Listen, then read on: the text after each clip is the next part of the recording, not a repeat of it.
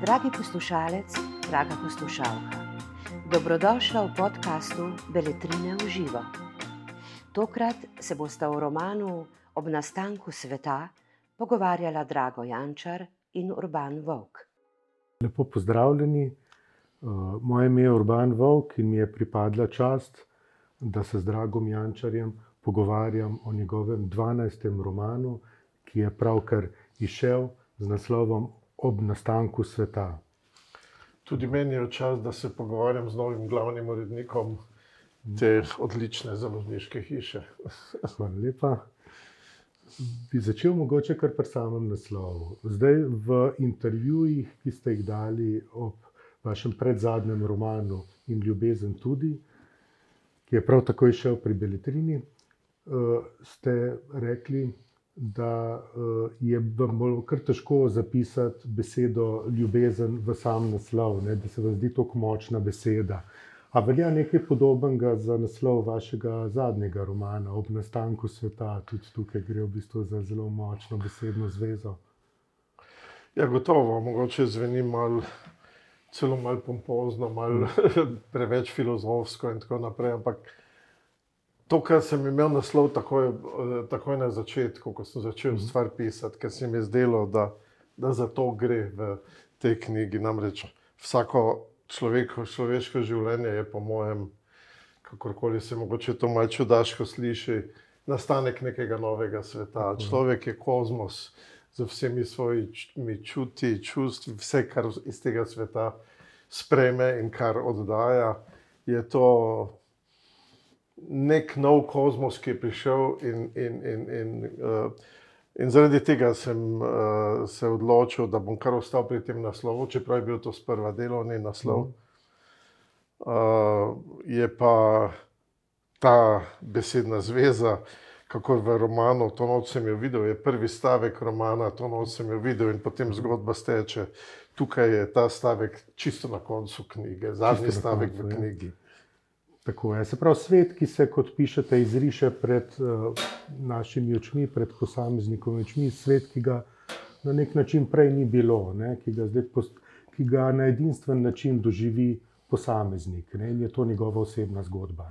Natančno to, to je povsem osebna zgodba, seveda uh, z močnimi, uh, nekaterimi autobiografskimi motivi, ampak je. Hmm vi sami veste, ker ste veliko knjig že prebrali in v veliko knjigah pisali, da potem, ko stvar začne nastajati, se začne na neviden način mešati resnično z fikcijo.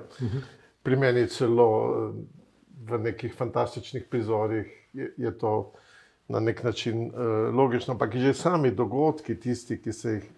Spominjam, recimo iz otroštva, iz mladih let, kot hodijo kot neke sence, obrisi nekih ljudi, ki sem jih spoznal in zdaj tukaj na novo zaživijo v literaturi, v bistvu na novo zaživijo, ker to niso več tisti ljudje in tisti resnični dogodki. Nekaj jih je, nekateri so popolnoma izmišljeni.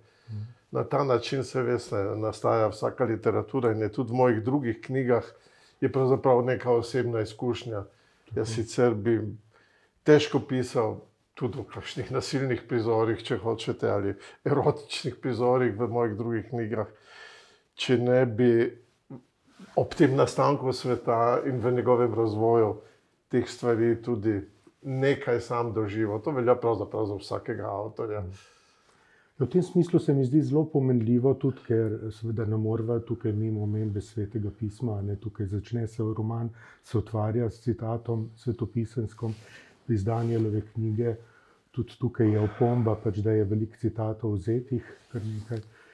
In uh, zdaj zanimivost uh, Danielove knjige je tudi tem, da so interpreti, kolikor vem, niso enotni, zdaj ali gre tukaj za neko razhajanje med Danielom kot zgodovinsko osebo oziroma junakom knjige in pa zapisovalcem. Ne. In to se mi zdi tudi igra, ki velja za vsako za vsak eh, roman oziroma literarno delo, ki je vsaj deloma autobiografsko podloženo, se na, na vse zadnje, katero pa ni. Ne. Da je tukaj nekako je določena razlika, seveda, med uh, zdaj tukaj Danielom kot otroškim junakom vaše knjige in seveda pisateljem, ki pač zapisuje njegovo, njegovo zgodbo, njegovo takratno videnje sveta. Daniel je v stari zavezi uh, oseba, ki se mhm. pojavi na dvoru in bere kraljeve sanje. In je uh, človek, ki, ki se je sposoben brati sanje. To se pravi, tu je neka povezava z literaturo kot fikcijo. Mhm. Človek, ki bere svoje lastne sanje, ki bere sanje sveta ki pa ničesar ne more spremeniti. Zato je ta uvodni citat nekoliko dramatičen. Kdo bo ustavil tvojo roko, to je iz, kdo bo ustavil to božjo roko, ki mhm. nas, ki nas vodi ali pa v sodo, kakorkoli hočete. Napoteni smo v ta svet, neke stvari se nam zgodijo in uh, bolj konkretno se v romanu nanaša to tudi na nek uh, tragičen dogodek, ki se zgodi v zadnjem delu uh, romana kjer vse stvari, ki nekako sredi uh, normalnega življenja potekajo, se prepletajo na ta usodni način, da se zgodi ta zločin ali pa uboj, ali kar, ne vem, kako bomo to imenovali, se ga ne opredeljujem kriminalno, ampak kot, kot, kot stvar uh, usode, ki je prišla. Ne. In uh, Človek se zmeraj vpraša, zakaj so se te stvari zgodile.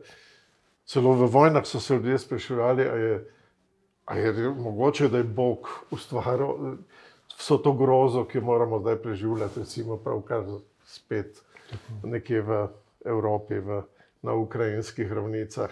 In takrat se zmeraj znova postavi vprašanje o tem, kakšna je ta usoda, zakaj se nam te stvari dogajajo. Jaz pač to opisujem, delam na nekem marginalnem, majhnem, drobnem, predmestnem svetu, v, v, v nekem že zgodovinskem času 20. stoletja, uh -huh. po drugi svetovni vojni. Uh -huh. Seveda ni nič nenavadnega, da je uh, dogajanje vašega romana postavljeno v preteklost, tokrat je ta preteklost dokaj bližnja. Ne? Imamo, bi rekel, nekaj pozna 50. začetek 60. let prejšnjega stoletja, se pravi, druga svetovna vojna je še zelo živa, ne se kaže v tem ali v učnih procesih, ali v odnosih med krajani, v tem, kot ste rekli, nekem predmestnem svetu, imenujete ga samo začetnico imena, zdaj to okolje, ampak je nekako prepoznavno in je tudi Jasne. vaše. Uh, ja, uh, Vse kot rečeno, ne gledamo zdaj te prizore iz Ukrajine. In recimo jaz v tem času, v katerega je postavljen ta roman, sem vse čas poslušal vojne zgodbe. Nekaj se je dogajalo v vojnih, okupirano mesto Maribor, nasilje gestapa, partizani v gozdovih, koncentracijska taborišča, izdajstva, vse sorte stvari. Pa tudi vprašanja preživetja, kako smo živeli. Tako vse čas sem to poslušal, ampak kljub temu, se mi je zdelo to nek zelo oddaljen čas, nek, neka delovijalna zgodovina, nekaj, kar se je v zgodovini zgodilo. In, in pravzaprav sem tako jemal, jaz sem živel mimo tega. In potem, proti koncu stoletja, ko se nam je zgodila vojna, najprej kratka vojna v Sloveniji, pa vojna v Jugoslaviji. Uh, in sem bil v Sarajevu, bil sem v, v Hrvaški krajini, in uh, um, še marsikje druge v, ča, v času vojne ali pa tik po njej. Uh, se mi je enkrat zdelo, da, da pa ta stvar, sem, o kateri sem jaz poslušal vsa tista leta, 60, recimo, ali pa še prej 50. Uh, ni tako daleč in da je to mogoče neko permanentno stanje stvari, ki se nam dogaja. To se zdaj sprašujem spet, uh mhm. -huh. ko se dogaja ta uh, ukrajinska strahota. Uh, In, uh, in takrat, po jugoslovanski vojni, takrat sem pravzaprav videl, da bi jaz lahko, oziroma moral pisati tudi o vojni. Mhm. Takrat je nastal roman, to noč sem jo videl, in naslednji, in ljubezen tudi. Zato, ker se mi je vse to, kar sem takrat slišal, nenadoma zelo približalo. Mhm. In zato sem se odločil, da v tem romanu pišem tudi o tem, kako se je to koaguliralo nekako v zavesti nekega mladega mladega človeka, še nedefiniranega, ki vstopa v ta svet. Vsi govorijo o vojni, vsi so bili z njo zaznamovani in to se v romanu tudi pozna. Vsakdo je zaznamovan na nek način s to vojno. Tako. Ja. Če potegnem zdaj mogoče uh, neko rahlo paralelo med uh, Balkansko vojno oziroma vojno na področju bivše Jugoslavije, kjer je kar naenkrat v neki multikulturni družbi postalo zelo pomembno, kakšne narodnosti si, mogoče mešano narodnosti, se pravi, komu pripadaš. Uh, je tudi tukaj v. Uh, se pravi, v tem času, nedaleč po drugi, nedolgo po drugi svetovni vojni, bilo zelo pomembno, da ja, mogoče prihajaš iz eh, neke verujoče družine ali neke pravoverne družine. Ne? In tukaj se mi zdi ta vaš otroški junak na ta način razdvojen, kar se pogosto dogaja v teh letih, tako v življenju, kot tudi literatura je to že opisovala. Se pravi, ta dilema, odgovornost, ki je kar naenkrat postavljena v neko v otroka, v nek otroški lik, eh, kako se zdaj opredeliti, ali pa da ne, bo zdaj, eh, da ne bojo starši v bistvu postali žrtve njegovih nepremišljenih ravnanj. Ne? Se pravi, imamo zdaj na eni strani crkvu in na drugi strani, seveda, šolo, eh, vzgojo v nekega pravega pionirja. Res je, zdaj, to so tudi komični prizori, ampak, ja. ampak skozi to je tako je živela neka cela generacija, moja generacija eh, v povojnih časih. Po eni strani recimo, je obstajala ta ideološka schizma, imeli smo silovit pritisk ideologije, ki se mi nismo zavedali, ker smo bili normalni pionirji in tako mhm. naprej, šola in tako naprej. Vse, te, vse ti konflikti, ki so bili v zadju, niso bili popolnoma prezentni. Zato se pri meni kaže to na recimo, rahlo ironičen, rahlo komičen način, tudi v nekih trenutkih, ampak obstajalo je. To je bilo na eni strani, po drugi strani pa v, v tem, ker ste omenili eh, Balkansko vojno in kako nenadoma postane pomembna nacionalna pripadnost. Mm. Tisto, kar je nekaj, bi moralo biti v življenju nekaj popolnoma samoumevnega, je bilo recimo v tem mestu, v Mariboru in v okolici, v Ptuju, na celju, v celju in tako naprej, ker je predtem živelo mešano prebivalstvo, nemško-slovensko, po tej vojni postalo to silno pomembno. Mhm. Tako rekoč vsi, ki so bili nemškega porekla ali izvora, uh, so bili nekakšni izdajalci, izločeni. In jaz se spomnim samo posamečnih eh, ljudi, kot je ta družina, ki jo opisujem. Ja. To je bila resnična družina, ki sem jo poznal, z otroci, ki sem jih poznal. In tako naprej, ampak so bili na nek način stigmatizirani s tem, ne samo nemško govoreči, ki so bili za nas neki čudaki, ki so tu in tam je še mhm. kdo govoril nemško. Ne. Uh, ampak tudi tisti ljudje, recimo Slovenci, ki so bili mobilizirani v nemško vojsko, vemo, da je bila to velikanska številka ljudi, ki so bili s tem zaznamovani. Ampak na to je lego mok, o tem se ni govorilo. In v mojem romanu pač to prihaja v, skozi, skozi neko razpoznavost v dušo mladega človeka, kot nek nesporazum, ki ga ne razume dobro. Uh mhm. -huh. In na koncu imamo nor prizor, da uh, njegov oče, mojega junaka, potem, ko, je, ko zboli in eh, šepa in tako naprej, hodi s palico, zmerja uh, nemškega vojaka, ki je zgubil nogo pri vojakih, se pravi, dva invalida se tukaj še naprej sovražita, zdaj to so lahko tragikomični uh, prizori. Ampak takšno je življenje, polno takih situacij. No, in v tem kontekstu se mi eh, kaže kot eh, zelo pomembna tudi, seveda, otroška perspektiva. Ne? Se pravi, v smislu neke te odprtosti. Ideologija je seveda tista, ki razdvaja in je vedno razvajala in vedno bo. V otroku pa se mi zdi, da so te, vsi te pogledi nekako še dokaj nedolžni, mnogih stvari še ni v stanju razumeti, pa mu je v bistvu že naprta ta odgovornost, da ne zdaj pač ravna tako kot je primerno v, v svetu odraslih. Ne. Tako, recimo, če se spomnim tudi na Rožančevo ljubezen, nekako ne morem uh, tudi mimo tega teksta, ne, kjer, kjer gre ravno tako za uh, otroški pogled znotraj te ideološke razklanosti družbe, se pravi ta neka brezpogojna ljubezen, ljubezen za nič, ljubezen do vseh, ne, ki se razdaja še v tem otroškem duhu. Ja, zanimivo, da ste se da ste pomislili na Rožančev roman, ki ga nisem niti za hip imel v mislih, ko sem to pisal. Ja. Prvič mi je rekel to Mitja Čander, ne, ko, je, ko je prebral roman in rekel, vse res. Seveda, se gre tudi tu v tem primeru za to optiko. S tem, da obstaja neka razlika, eh, da je zdaj, zdaj ko razmišljam o tem, ko sem pisal, dejansko nisem uh -huh. imel pravka s tem, sej tega tipa besedil je že kar precej na svetu. Ne. Tako je. Uh, spomnim se nekih uh, polskih tekstov iz vojne in tako naprej. Neka razlika obstaja, da Rožanc zna ustrajati od začetka do konca v tej ljubezenski uh -huh. situaciji, s, v, s, skozi optiko tega fanta, ki se mu vse to zgodi. Pri meni pa se na trenutke, večji del romana je to, kar pravite, ta naivni pogled in poskus razumevanja sveta, ki ne gre ne gre.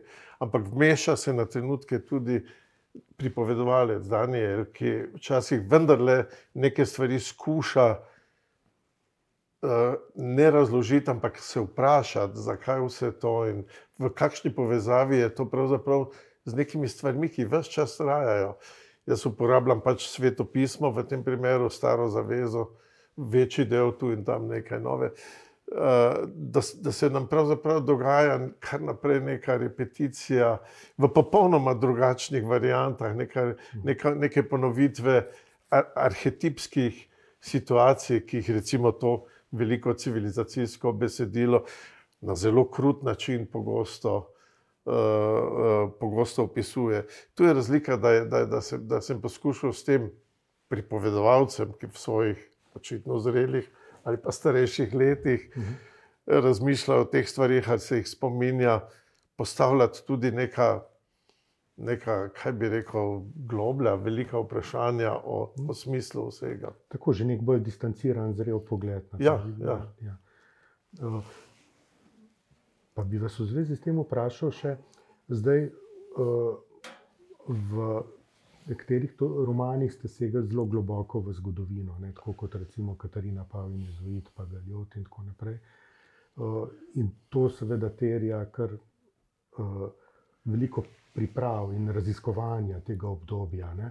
Tudi, recimo, zdaj uh, pred zadnji vaš roman Ljubezen, tudi druga svetovna vojna, se pravi, spet nek čas, ki ga sam niste neposredno, uh, neposredno doživeli. Ne. Zdaj, tukaj gre pa v bistvu za nek svet, ki je imanentno, ki je nekako pristno vaš. Ne? Pa čist v samem postopku pisanja romana me zanima, kako se zdaj kaže, kaže ta razlika, kaj je zdaj tukaj tisto ključno, najbolj odločilno. Ja, res je, najprej, ker sem se odločil, če omenjate roman Katarina Pavlina Zoe, takrat sem skušal napisati roman o baroku. To je bil tudi prvi naslov, delovni barok in sem hotel zajeti. Zato je bilo potrebno neko znanje. Proučiti je bilo treba tisoč stvari. Eh, čeprav jaz ga nimam za zgodovinski roman, ampak za eksistencialni roman, tudi ta roman, čeprav je postavljen v to obdobje. Ampak kljub temu je bilo treba napisati, kako so potekala romanja, je bilo treba vedeti, kako so oblekli, kaj so jedli, eh, kaj se je dogajalo v, v, v sedemletni vojni in celo v, za drugo svetovno vojno. Seveda se mora pogledati, kako je delovala nemška vojska, kaj je bil Wehrmacht, kdo so bili Wehrmani, kako so delovali policijske okupacijske enote v mestu, kak, kakšni so bili odnosi, čeprav tega sem predvsej poznal med mhm. partizani, kako so že takrat prihajalo do ideoloških konfliktov in tako naprej. Vse to je, sem takrat bral, ne bom rekel, da ravno študiral, ampak iskal neke vire, da, da sem si malo osvežil. Medtem ko tu je seveda bilo vse tako rekoč dano. Pogledati sem moral pionirsko prisego, ki se nisem spomnil na pamet, nekateri se še zdaj spomnijo, ali pa kaj takega, ne, takšne uh, uh, stvari.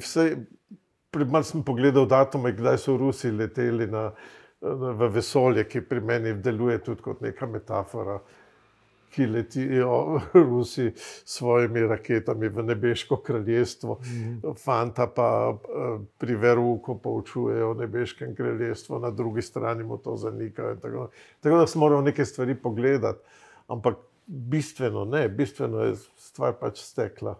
Mm. Razen kadar je uh, zašla v preveč fantastične prizore, tako da mi je moja bralka prva bravka rekla, tam pri nekaterih sklepnih prizorih, pa že nekje na sredi, da bo kdo pomislil, da sem kakšne močnejše substance imel, ko sem to pisal. Omenili ste zdaj v, v povezavi z romanom Katarina Pavlin Jezuit, da gre za, predvsem za eksistencialni roman. Ne? Zdaj tukaj s, tem, s to znako bi se kar strinjal, nekako se mi zdi značilna za vaš celoten opus in bi jo predvsem tukaj se navezal seveda na to, da eh, tukaj v, eh, znotraj, znotraj ene eksistence pač obstajajo neke dileme, obstajajo neki razkoli, ki ki nekako potem na, na kolektivni ravni, seveda, niso tako izraziti. Ne? Zato, ker je tukaj že ideologija, pač naredi svoje delo. Medtem ko v posamezniku pa pač obstajajo neki, neki trenutki negotovosti, neodločnosti, ki vas kot pisatelja še, še, seveda, še posebej zanimajo. Zdi. Ja, no, točno to. Ne, sej, uh... Drugač bi pač to pisal zgodovinske knjige ali, eh, ali, ali sociološko, psihološko, eh, ne vem, kakšne antropološke diskurze, ker me pa to ne zanima in tega tudi ne znam. Mhm. Me seveda zanimajo položaje, ki so negotovi, nejasni, eh, ker je to krhko človeško bitje, v tem primeru še toliko bolj, ker gre za za, za, za, za, za otroško, mla, za mladega človeka. To so stvari, ki me vznemirjajo in me, in me zanimajo. Čeprav seveda so se tudi drugi, tudi odrasli v tem romanu obnašajo kot otroci, včasih s svojimi čudaštvi, nejasnostmi, ker mislijo, da, ime, da je njihovo življenje teče urejeno, včasih v resnici pa vse čas počnejo otroče neumnosti, ki, ki, ki, ki vplivajo na življenje drugih, enkrat na komičen, drugič pa na tragičen način. Mhm. Ja, tukaj, ko se, se ozreva na posameznika, na te njegove dileme, trenutke negotovosti, seveda ne, mo, ne moremo mimo problema uh, slovenske razklanosti, ne, ki nas že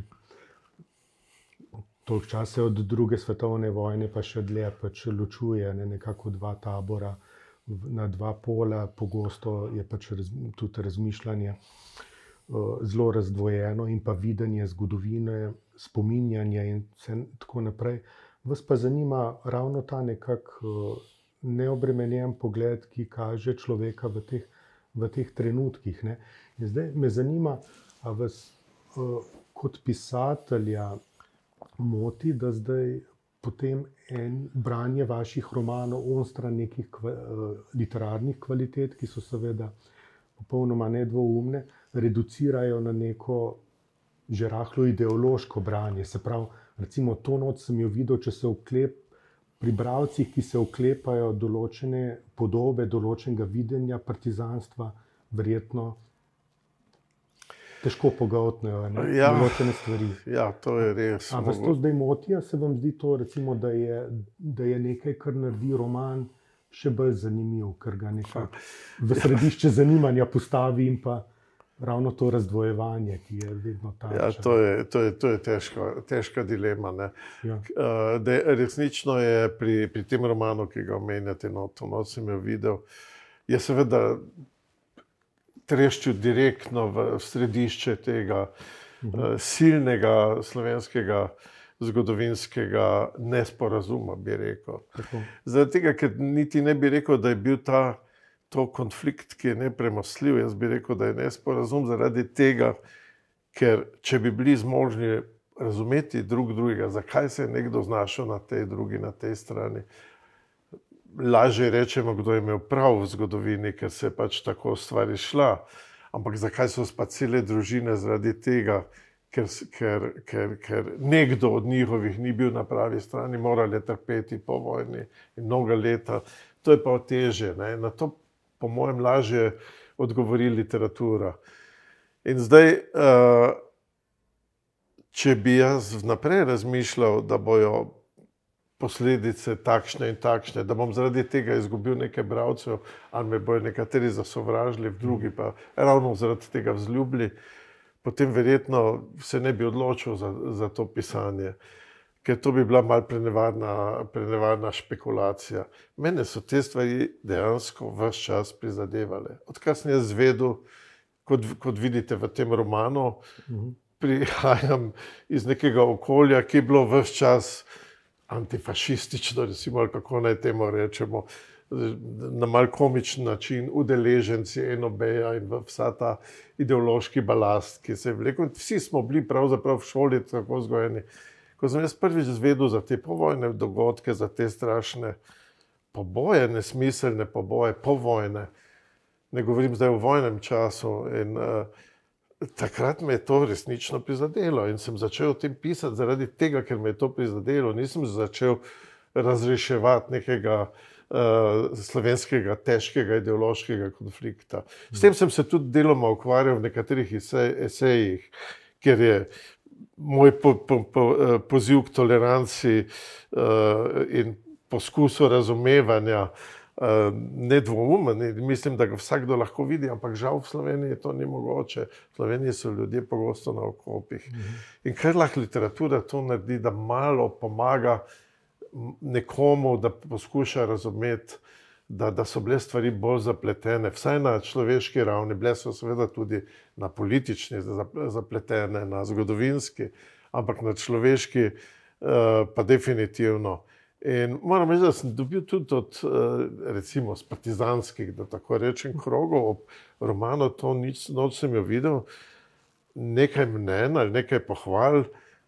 Eh, ki so rekli, da ja, o tem je bilo pa treba spregovoriti, o tem je bilo treba nekaj reči, tudi nam je lažje zaradi tega, vse se zgodovinski generalni pogled na stvari, kdo se je tukaj zmotil in kdo je prav ravnal, s tem ne spremeni. Ampak pogledajte, v, v, v, celo v, poča, v, v po oktobrski revoluciji, v, v Sovjetski zvezi so v 20 letih pisali romane Babel in ne vem kdo vse. Eh, da ne govorimo o Buninu in emigrantih, ampak tistih, ki so ostali v Rusiji, je bila sovjetska literatura polna teh traumatičnih, tragičnih dogodkov, ki so se zgodili med revolucijo. Dokler ni prišel stalinizem, ki je potem vse to prekril, odkril, ampak odpre literatura, vendar mora odpirati te stvari, ki so težke, ki jih, ki jih ni mogoče rešiti ne s političnimi članki, ne s političnimi programi programi, program, programacijami in tako naprej. In, ampak v tem romanu, po mojem, ni toliko tega, tu je, tu je še več te distance, otroške, ki ste jo opazili. Tako, otroške distance, tukaj v tem eh, smislu se mi zdijo uh, zelo močni prizori tudi uh, iz domačega okolja, se pravi z očetom, ki je obremenjen s traumatičnimi izkušnjami iz vojne, ne, taborišče. Uh, in potem te vikende, ki jih preživlja eh, s svojimi kompanjoni, pa čez zveze borcev in tako naprej. Kar seveda uh, otroški junak zdaj doživlja na, na svoj način, ne, tako in drugače, ampak potem v pogovoru s svojo otroško prijateljico pravi, no, ti, ti vsaj imaš očeta, ne, zdaj jaz pa njen oče je pač v Italiji, ne, no, ne, zdaj nekako. Sprejme ga na koncu, sprejme ga pravzaprav takšen, kakršen je. Tako, ja. Vse ima drugega očeta. In uh, njegova vsa junaštva, marsikatero je, kaj bi rekel, v, v območju, če milo rečem, v območju neke mitologije. V resnici si bi lahko rekli tudi kaj tršega, ne? ker vsi so bili polni velikih zgodb, vsi so bili veliki zmagovalci in tako naprej. Otrok to razpoznava, da stvari vseeno niso tako zmagovite, čudovite in tako naprej. Predvsem je pa resničnost, resničnost trda, huda, brutalna, pogosto. Uh, Po drugi strani imamo pa nenadoma opazi, da so tudi na drugi strani, recimo ravno v družini tega nemškega vojaka, mm. nemškega uh, mobiliziranca, ljudje, ki, ki so svoje stvari doživeli in skušajo to, skuša to na nek način razumeti tu je, tu je nekaj mojih osebno izpovednih, da se če smem tako reči. Oče je bil res v koncentracijskem taborišču. Mm. In, čeprav je tudi to nekoliko predelano, vse skupaj. Nočem, nočem, da bi kdo bral to kot mojo biografijo. No, Ja. Uh, Pa bi vas vprašal, zdaj, uh, čez dve leti bo 50 let ne, od izida vašega prvega romana, 35 A stopinj, že? če se ne motim. Ne, se. pravi, 48 let, 12 romanov, se pravi, če matematika pove, da je to približno na vsaka štiri leta pride novo delo. V tem času imate tudi dolgoletne uredniške izkušnje na slovenski matici. Pa bi bil, se mi zdi, da je zelo dragocen vaš pogled, kako se je ta slovenska, v prvi vrsti slovenska, založniška in pa sploh ta književna krajina v tem- vsem tem času spremenila, pa tudi seveda širše gledano evropska. Zdaj. Zasledil sem v enem vašem zapisu, ali pa je mogoče to bil intervju, kako se je, da je tudi uredniško delo ali pa pričakovanja od pisatelja, kako se zdaj v tem času vse to spremenja. Ali so zdaj avtori doskrat se preveč, mogoče celo so prisiljeni ukvarjati z lastno pojavnostjo, s tem, kako se približati bralcu in tako naprej. V tem smislu so se stvari v tem času v mnogo čem spremenile. Ja, seveda so se spremenile, predvsem so se spremenile s pojavom globalnega interneta, eh, eh, televizije, vsega tega, ker je vstopili smo, kot je nekaj napisal v nekem eseju Miljan Kundera, vstop imagologije, eh, ki postaja celo pomembnejša od ideologije. Ne?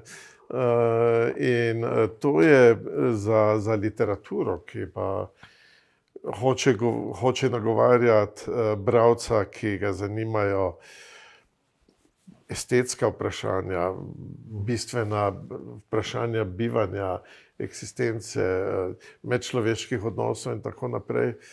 Uh, se je, vsaj za mojo generacijo so bile te stvari pomembnejše ne, in, in tudi za založništvo v vel, velikem delu. Zdaj je marsikaj skuša uh, doseči uh, dramaturgijo soap opere, če smem tako reči, vsega tega imagološkega sveta, hitrih sporočil, uh, uh, instant zgodbe in tako naprej, kar na vsebinski ravni seveda se razlikuje od mojega pogleda na literaturo, kar ne pomeni, da ne prihaja neka dobra, nova, zanimiva, drugačna literatura, ki je pa bolj povezana z celotno to atmosfero, ki so jo ti novi tehnološki uh, sistemi pripeljali v naše življenje. Uh, v samem založništvu pa uh, obstaja moje upanje, da se bo del te literature, ki jo jaz razumem kot literaturo, obdržalo ravno pri založbi, za katero zdaj govoriva, oziroma tudi v imenu katere, ker je oba sva tukaj sodelujeva, se to dogaja in še nekaj teh otokov je. V glavnem pa ni tega velikega sistema, ki je pri slovencih že deloval. Če se spomnimo, ne vem, če koga to zanima, se kdo še spomni ne, nekega kolosa, ki se je imenoval Državna založba Slovenije, ki se je razgobil na vse konce in kraje. Uh, in, in še marsikaj drugega, se je cel kup odličnih založb, od obzori v Mariboru, Lipe v Kopru, v Murski soboti smo imeli dobro založbo in tako naprej, pomorska založba. Vse to se je eh, razgubilo, obstaja pa nekaj teh uh, skupin, še poleg beletrine so tu še Goga, Litera in tako naprej, mladinska knjiga, seveda, in, in marsikaj drugega. Ne, ne želim zdaj delati razlik med založbami, ki nam, ki vendarle še to, ne samo produkcijo, ampak tudi vsebinsko vzdržujejo to literaturo, ki pa, ki pa, ki pa preživlja in bo preživela, po mojem prepričanju, ne samo pri nas.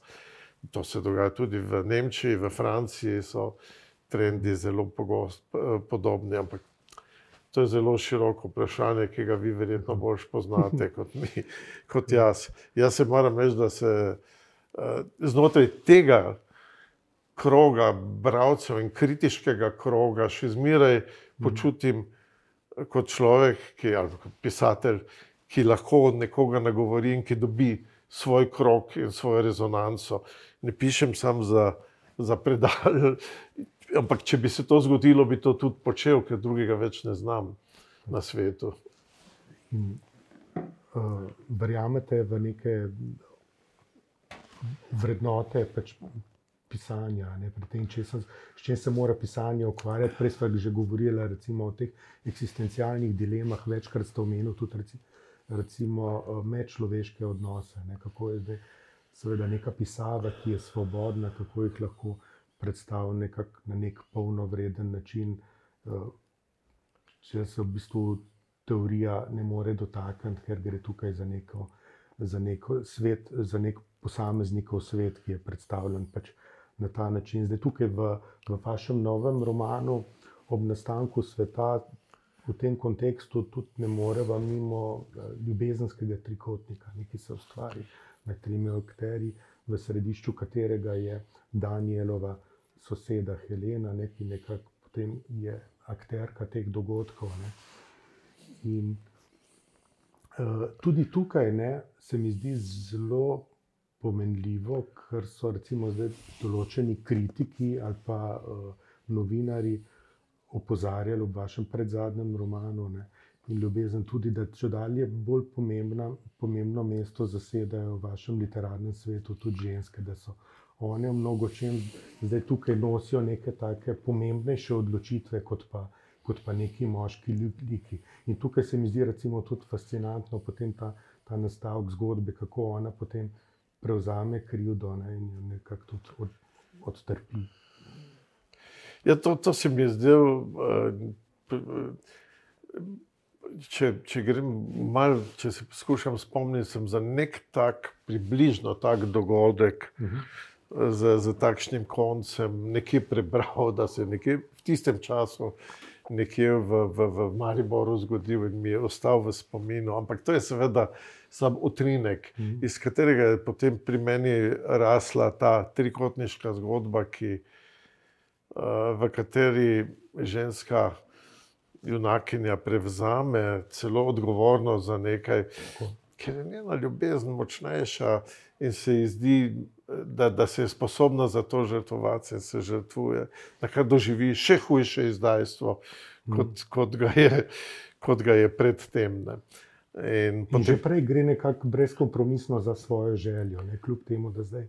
Ono pride in se odloči živeti na nek način drugače, bi prihajal iz nekega uh, ruralnega okolja, nekje iz uh, neke koroške vasi in si želi pravo, drugo, novo življenje tukaj. Uh, in in, in denadoma se ji zdi, da, da bo ob tem ljubimcu, da je to tisto, kar je iskala. Mhm ne nek človek, s katerim se je že skoraj poročila in ki je pač bil en tam, ki je prišel na pot in je bil samo umevno, da bo z njim živela, ampak potem nastane ena, ena nora ljubezenska situacija, iz katere se uh, protagonisti ne morejo več premakniti. In moj junak s svojimi otroškimi očmi. To opazuje in skuša razumeti, in, in se mu povezujejo tu uh, mislim, da se mu odpirajo temeljna vprašanja o tem, kaj so sploh ti medčloveški odnosi in jih svojo naivno dušo skuša, šu, skuša razpoznati, kako je sploh mogoče, da grejo stvari tako daleč. Ker seveda opazuje tudi doma, ne, kjer so doska, tudi ti odnosi zelo napeti. Ne. Mama včasih tudi pač, eh, postane neozdržna, ko so te zborovanja pač pri v kuhinji. So, če smo ob nastanku sveta, smo vendarle stopili v svet, v katerem pa nekaj drugi protagonisti že imajo svojo zgodovino in celo v družini obstaja predzgodovina, o kateri se ne govori, ki je zamočana in tako naprej. Pride v nekih fragmentih, v nekih utrinkih pred oči, oči tega uh, fanta, ki mu pač nihče zdaj ni pripravljen tega razlagati, se nihče ne govori o tem, kako je živo, kaj je naredil v življenju na robe in, in kaj se je v življenju zgodilo. Ampak pred njegove očmi prihaja ta zapleten svet skozi neke uh, drastične situacije in, in luknje v preteklost, v kateri se je nekaj zgodilo, na kar. Seveda ni, ni mogoče imeti vpliva, ne samo vpliva, ampak tudi ni mogoče čisto razumeti, zakaj se je tako zgodilo. Tudi na koncu se izkaže, da v svet teh ideoloških delitev, ki ste jih prej omenili, ali pa nacionalnih, in tako naprej, da je vdrl tudi nekoč v čisto družinsko, družinsko. okolje, ker je bil tudi tukaj nek mobilizirani nemški vojak, da, ki je izginil v, v, v, v, v, v Ukrajini nekje. Seveda gre za odraščajočega otroka, gre seveda tukaj. Uh, Za neke ekstremne situacije. In kot se v vaši prozi zelo pogosto pokaže, ravno te ekstremne situacije pokažejo človekov značaj, ne ja. v nekem polnem obsegu in vrednosti.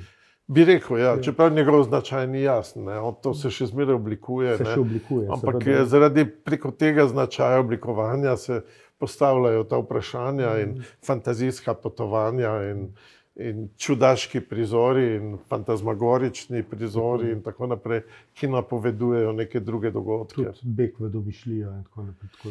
V fantu divja, divja domišljija poznejšega pisatelja. ja. No, če smo na začetku pogovora rekli, da uh, tukaj naslov romana ne stoji na začetku, ampak na njegovem koncu. Uh, tukaj ne moramo mimo tega strahu, da tega sveta, ki je nastal pred našimi očmi, pa pol nekoč ne bo več, vsaj ne za nas. Ne. Se pravi, tukaj najbrž lahko čisto odprto govorijo tudi o določenem strahu pred, pred smrtjo. Ne. Na koncu ste mi postavili najtežje vprašanje. Ja.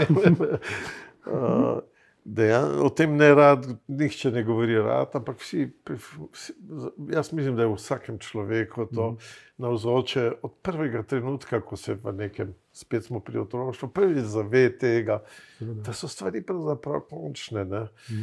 Da, da se nam je cel svet postavil, vse nam je bilo dano, in uh, na koncu vsega tega ne bo. Pri meni se rešuje to vendarle v neko nek religiozen, kvazi religiozen poskus. Imamo dancing z svojim peklenskim ozračjem mm -hmm. in imamo neko livado z novim nebom in novo zemljo, se pravi, neko upanje.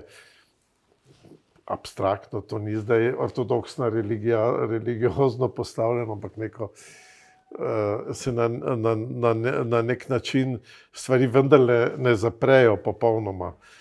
Ampak uh, ta strah pred končnostjo nas pač vse spremlja in to je eno temeljnih vprašanj uh, človekovega življenja. In uh, namesto da bi o tem pač direktno govoril, pač sem jaz v tem primeru skušal, pa tudi na vse zadnje, tudi v teh letih, mhm. ko o teh stvarih mogoče pogosteje pomislim. In, uh, ampak jaz mislim, da se človek od začetka, že, ko se prvič s tem vprašanjem sooči, kot se spomnim in pripričan sem, da je to za vsakogar, da, da od nekod prileti misel, a je res mogoče, da bo to tega nekoč vsega konc. In s tem je konc tudi tega mojega sveta. Svet gre naprej, sicer, ampak ta svet, ki, se ki je nastal. Tako kot je opisano v tej knjigi, sam en, ta, en sam je tak svet, mm. ga na koncu na nek način ni več na kakšen način je, se odpirajo neka vprašanja še v knjigi. Ampak, ampak mi dva se danes nahajamo v enem uh, mikrosvetu, manjši se pravi v knjigarni, ki je pa prav tako neka dosta učinkovita metafora tega našega velikega, nepreglednega sveta, ki nikoli ne moremo vsega doživeti. Ne. Tudi mi ne bomo prebrali vseh knjig, bomo zapustili ta svet, brez da bi se dotaknili pač mnogih zanimivih branj. Koliko jih je samo tukaj? Koliko jih je ja. samo tukaj? Vso novih svetov, posod. Ja. Pa vi zdaj v zadnjem času, ponavad, pogosto se intervjuji končajo tudi na ta način, kaj zdaj trenutno berete, kaj je. Ja, berem, berem, ne, zalogi. berem neprestano, berem zdaj uh, po zaslugi beletrine na Braniku, ja, ja. ker imam neke težave z očmi v zadnjem času, tako da uh, da marsikaj preberem. Recimo, na zadnje sem prebral neko uh, biografijo, tudi na Bralniku, uh, Leva Tolstoja, sjajno napisano, Pavla Basinskega. Zdaj sem prebral ne, neko staro vašo izdajo, našo izdajo, moram reči, Gogolja, ki sem odkril nek tekst, ki se imenuje Resnična strašna zgodba, uh, novela, ki je, kako bi jo dan vzel iz današnje Ukrajine. Uporabljal sem jo potem za neke seje, ki sem ga napisal in je bil na Arsu, zdaj je objavljen pred kratkim. Uh, tako da v literaturi seveda človek lahko odkrije kar naprej neke sporednice s svojim današnjim življenjem. Ne. Neki novi, že ustvarjeni svetovi vplivajo na nas in in, ali pa nam vse, sku, nam vse lahko razložijo neke stvari. Tako malo računam, da bo mogoče, domnevam, da bo za kakšnega bralca tudi lažje razumeti neke stvari iz našega 20. stoletja, ki tudi počasi tone v pozabo. Mhm. Zdaj, če ste omenili težave, kaj pa pri samem pisanju, če vedno pač uporabljate, seveda, računalnik, nekako. Ja. Pa tudi eh, še kaj kot se reče, peš, napišeš. Ja, Veliko napišem, čeprav, kot rečeno, zaradi težav z ušmi so moje črke zdaj tako velike, ki si jih zapišem, ampak brez tega ne morem. Ja. Ne morem še zmeraj si pišem, je pa polnoma ne mogoče. Jaz imam za vsak tekst popisane cele kupe zvezkov, fragmentov, ki jih včasih pozabim dodati v knjigo, kot se je nama zgodilo, kot ste videli. Uh, in, uh, k sreči še pravočasno. Pravočasno ste vi še to vključili, pa, pa stavko. Ne.